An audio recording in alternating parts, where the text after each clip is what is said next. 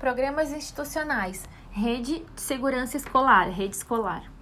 É um programa institucional da Polícia Militar que soma-se ao PROERD, porém são, são programas diferentes, independentes.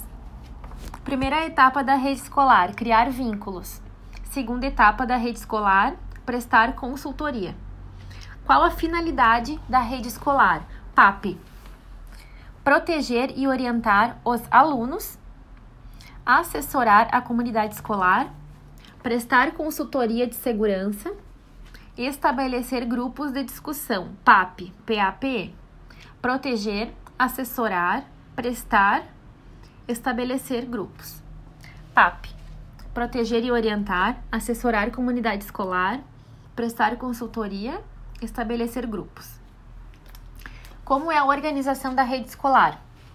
Através de guarnições específicas, porém não exclusivas. Essas guarnições podem atender outros programas PM. Guarnições denominadas patrulha escolar, específicas, mas não exclusivas. Essas guarnições terão a circunscrição definida pelo comando local.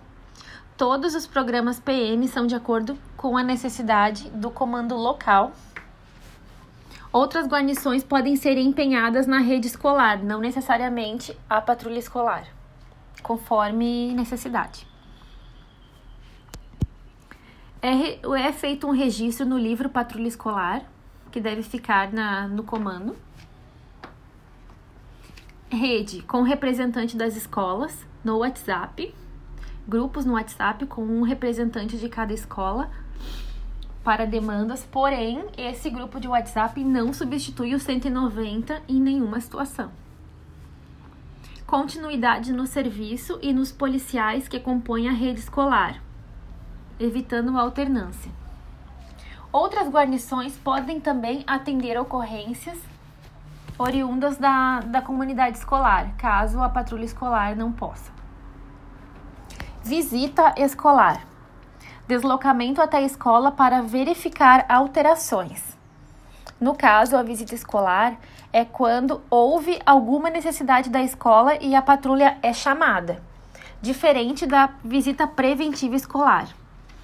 A visita escolar é quando já houve um problema, uma ocorrência. A visita preventiva escolar é uma visita, como o nome já diz, preventiva, que presta consultorias à comunidade escolar visa identificar problemas, pontos vulneráveis da escola, diferente da visita escolar. Tem como cunho preventivo, através de palestras e campanhas educativas, visando baixos riscos, fortalecimento de vínculos e palestras através de diálogos e debates, e também campanhas de ações integradas.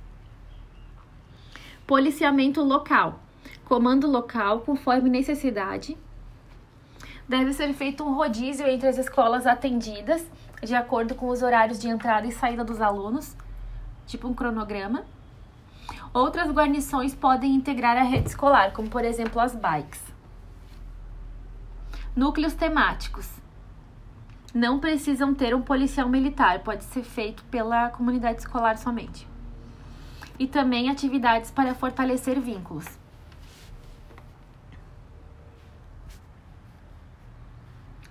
Coparticipação e responsabilidade, compartilhada com outros membros da comunidade escolar. O policiamento, ele é, ele é pautado no policiamento orientado ao problema e não no policiamento tra tradicional. Consultores. Quem são os consultores? E o que fazem? Assessorar a comunidade. No caso, os policiais militares são os consultores, devem assessorar a comunidade, realizar visita escolar e reuniões com a comunidade escolar, identificar alterações e problemas de ordem pública.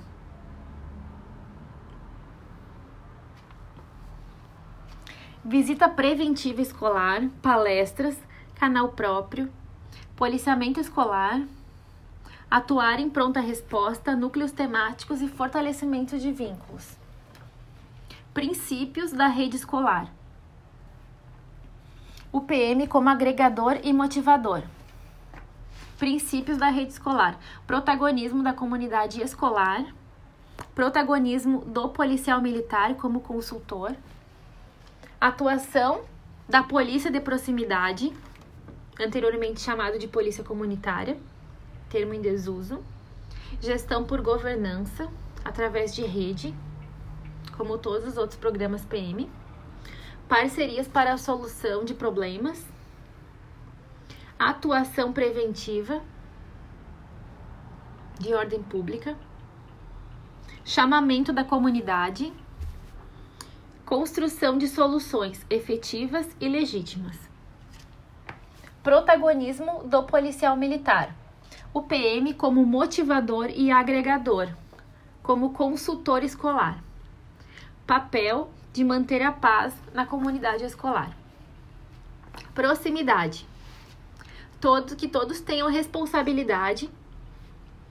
Resultados não centralizados, ou seja, todos são protagonistas.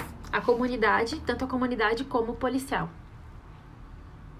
Interlocução entre vários atores, entre público e privado, IPM e comunidade escolar.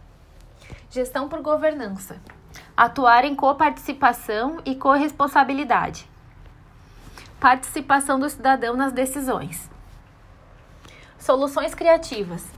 Efetividade, eficiência, eficácia. Ação direcionada, POP, policiamento orientado ao problema.